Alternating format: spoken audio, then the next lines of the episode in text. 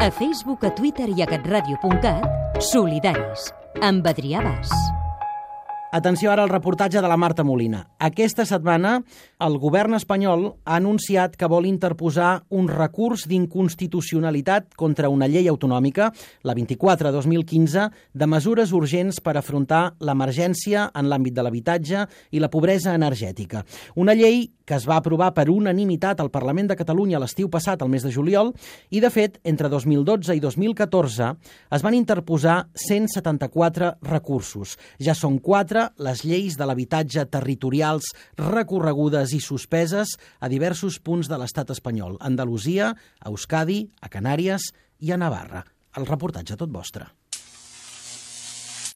Hola, soy Justa y está mi hija Alba. Venimos de un desastre hace un año. En mi casa somos seis miembros de familia y solo tenemos los 426 de una ayuda de reinserción que me dan a mí. Amb 426 euros i dos fills eh, no pots pagar les factures. Cuando llegan estas cartas es diferente. El govern espanyol vol interposar un recurs d'inconstitucionalitat contra una llei autonòmica, la Llei 24-2015, de mesures urgents per afrontar l'emergència en l'àmbit de l'habitatge i la pobresa energètica, una llei aprovada per unanimitat al Parlament de Catalunya l'estiu passat i impulsada per la ciutadania. Recordem que el mes de novembre de 2015, quan només faltava un mes per a les eleccions generals, acabava el termini de tres mesos per interposar el recurs contra l'anomenada ILP d'habitatge. El govern va decidir no fer-ho, però va obrir una comissió bilateral, Estat-Generalitat, mitjançant la qual es dirimien aquells indicis d'inconstitucionalitat ensumats pel PP. D'aquesta manera, s'allargava sis mesos més el període durant el qual la llei es podia portar al Tribunal Constitucional, adoptant com a data límit el proper 6 de maig. Irene Escorihuela és la directora de l'Observatori DESC pels Drets Econòmics, Socials i Culturals i part del grup promotor de la llei juntament amb la PA, la Plataforma d'Afectats per la Hipoteca, i l'Aliança contra la Pobresa Energètica. com a grup promotor hem estat parlant amb, amb, amb les diferents parts, amb els diferents moviments i entitats que han donat suport i després hem convocat dilluns vinent una atracció de queixa davant del PP. Però qui i com pot interposar un recurs al Constitucional? El recurs d'inconstitucionalitat el poden interposar 50 diputats, 50 senadors, el defensor del poble i el president del govern. En aquest cas és el president del govern qui interposarà el recurs. O sigui, la campanya també és com una mica per evitar que es faci, tot i que sembla bastant evident i llavors s'ha d'acordar en un Consell de Ministres. Posteriorment a interposar el recurs, el Tribunal Constitucional pot trigar 10 o 15 dies en acceptar-lo, però quan és el president del govern, el govern, diguéssim, qui interposa la, el recurs, automàticament es suspèn la norma en previsió de que finalment hi hagi una sentència negativa i aquesta norma doncs, ja sigui inconstitucional. La llei 24, però, ja s'ha començat a aplicar, tot i que algunes de les grans empreses de subministres d'energia no la reconeguin. Des de l'Ajuntament de Barcelona, per exemple, ja han començat a fer formacions a tècnics i tècniques municipals, a desenvolupar guies per facilitar la seva aplicació i a treballar al màxim per obtenir-ne els resultats volguts, aturar desnonaments i talls de llum, aigua i gas. Josep Maria Montaner, regidor d'Habitatge de l'Ajuntament de Barcelona. Sí, sí, és veritat. Nosaltres vam crear la UCER, que vol dir Unitat contra l'Exclusió Residencial, que en gran mesura es- es- s'apo- s'apoya, lòg- lògicament, amb la llei pel dret a l'habitatge a Catalunya del 2007 i amb aquesta nova llei, la 24-2015, i d'alguna manera era una iniciativa presa per l'Ajuntament de Barcelona per adelantar-nos i per resoldre d'alguna manera els problemes d'emergència habitacional, especialment els problemes de desnonaments, per no pagar el lloguer a entitats bancàries o grans tenidors i el previsible incompliment que es podia produir d'aqu- d'aquest article, doncs es va crear la UCER, que és una de les missions que té.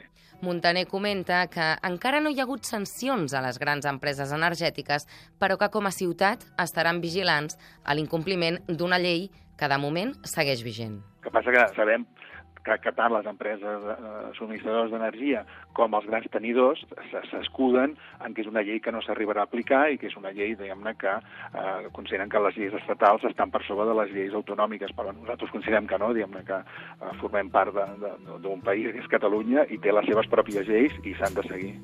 Però com és que una llei que protegeix els més vulnerables es vol declarar inconstitucional? Segons el grup promotor, les portes giratòries hi tenen molt a veure. Irene Escorihuela. realment costa molt d'entendre i és, un, és una qüestió que sobta molt perquè és una llei que és una llei ciutadana, que ha recollit moltes signatures, que s'ha aprovat per unanimitat, que se la vulguin carregar per qüestions menors de que afecta el dret a la propietat o la planificació econòmica o algun tema així, són excuses i el rerefons és polític. I l'única opció que se'ns acut és que el Partit Popular està responent als interessos doncs, de les entitats financeres i les empreses subministradores, perquè la llei sí que en aquest sentit responsabilitza en gran part d'aquestes empreses i la banca que estan tenint una, una posició de poder en el tema del dret a l'habitatge i, i dels subministraments bàsics. Actualment, el govern del Partit Popular a Madrid es troba en funcions gairebé quatre mesos després de les eleccions al Congrés i de diversos intents de pactar.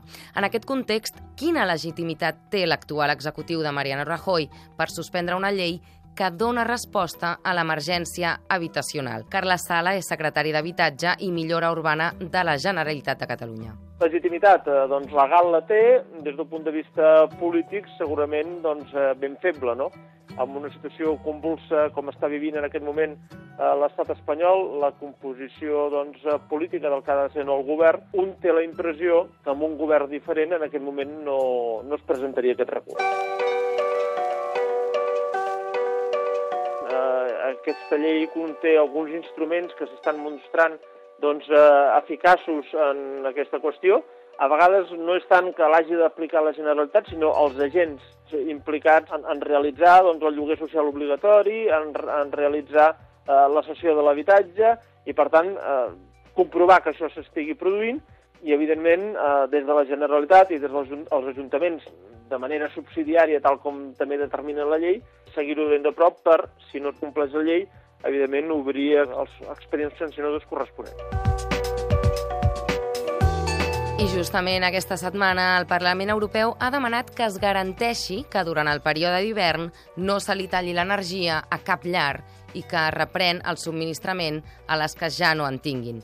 Tot i els 310 vots a favor i els 73 en contra i les 26 abstencions dels eurodiputats, sembla que a l'estat espanyol no afectarà gaire. Irene Escorihuela, de l'Observatori d'ESC. Clar, el tema de, de la treva hivernal, tant en temes de subministraments energètics com en desnonaments, també hi ha països, bueno, França, per exemple, té una treva hivernal bastant llarga, seria una bona solució. Parcial, segurament, perquè durant tot l'any la gent necessita aigua, però és un inici. Ara, del que es vota al Parlament Europeu al que s'aplica a l'estat espanyol també hi ha una distància bastant llarga. Hi ha hagut diverses resolucions a nivell del Parlament Europeu que han anat en la línia de recolzar la ciutadania i els moviments pel dret a l'habitatge i posteriorment el govern del Partit Popular no ha aplicat res i ha fet canvis molt limitats en la llei. Mentre la banca i les empreses subministradores intenten no assumir responsabilitats en la protecció dels drets més essencials de les persones, els ajuntaments i la Generalitat segueixen a l'espera de que la llei no arribi al Constitucional.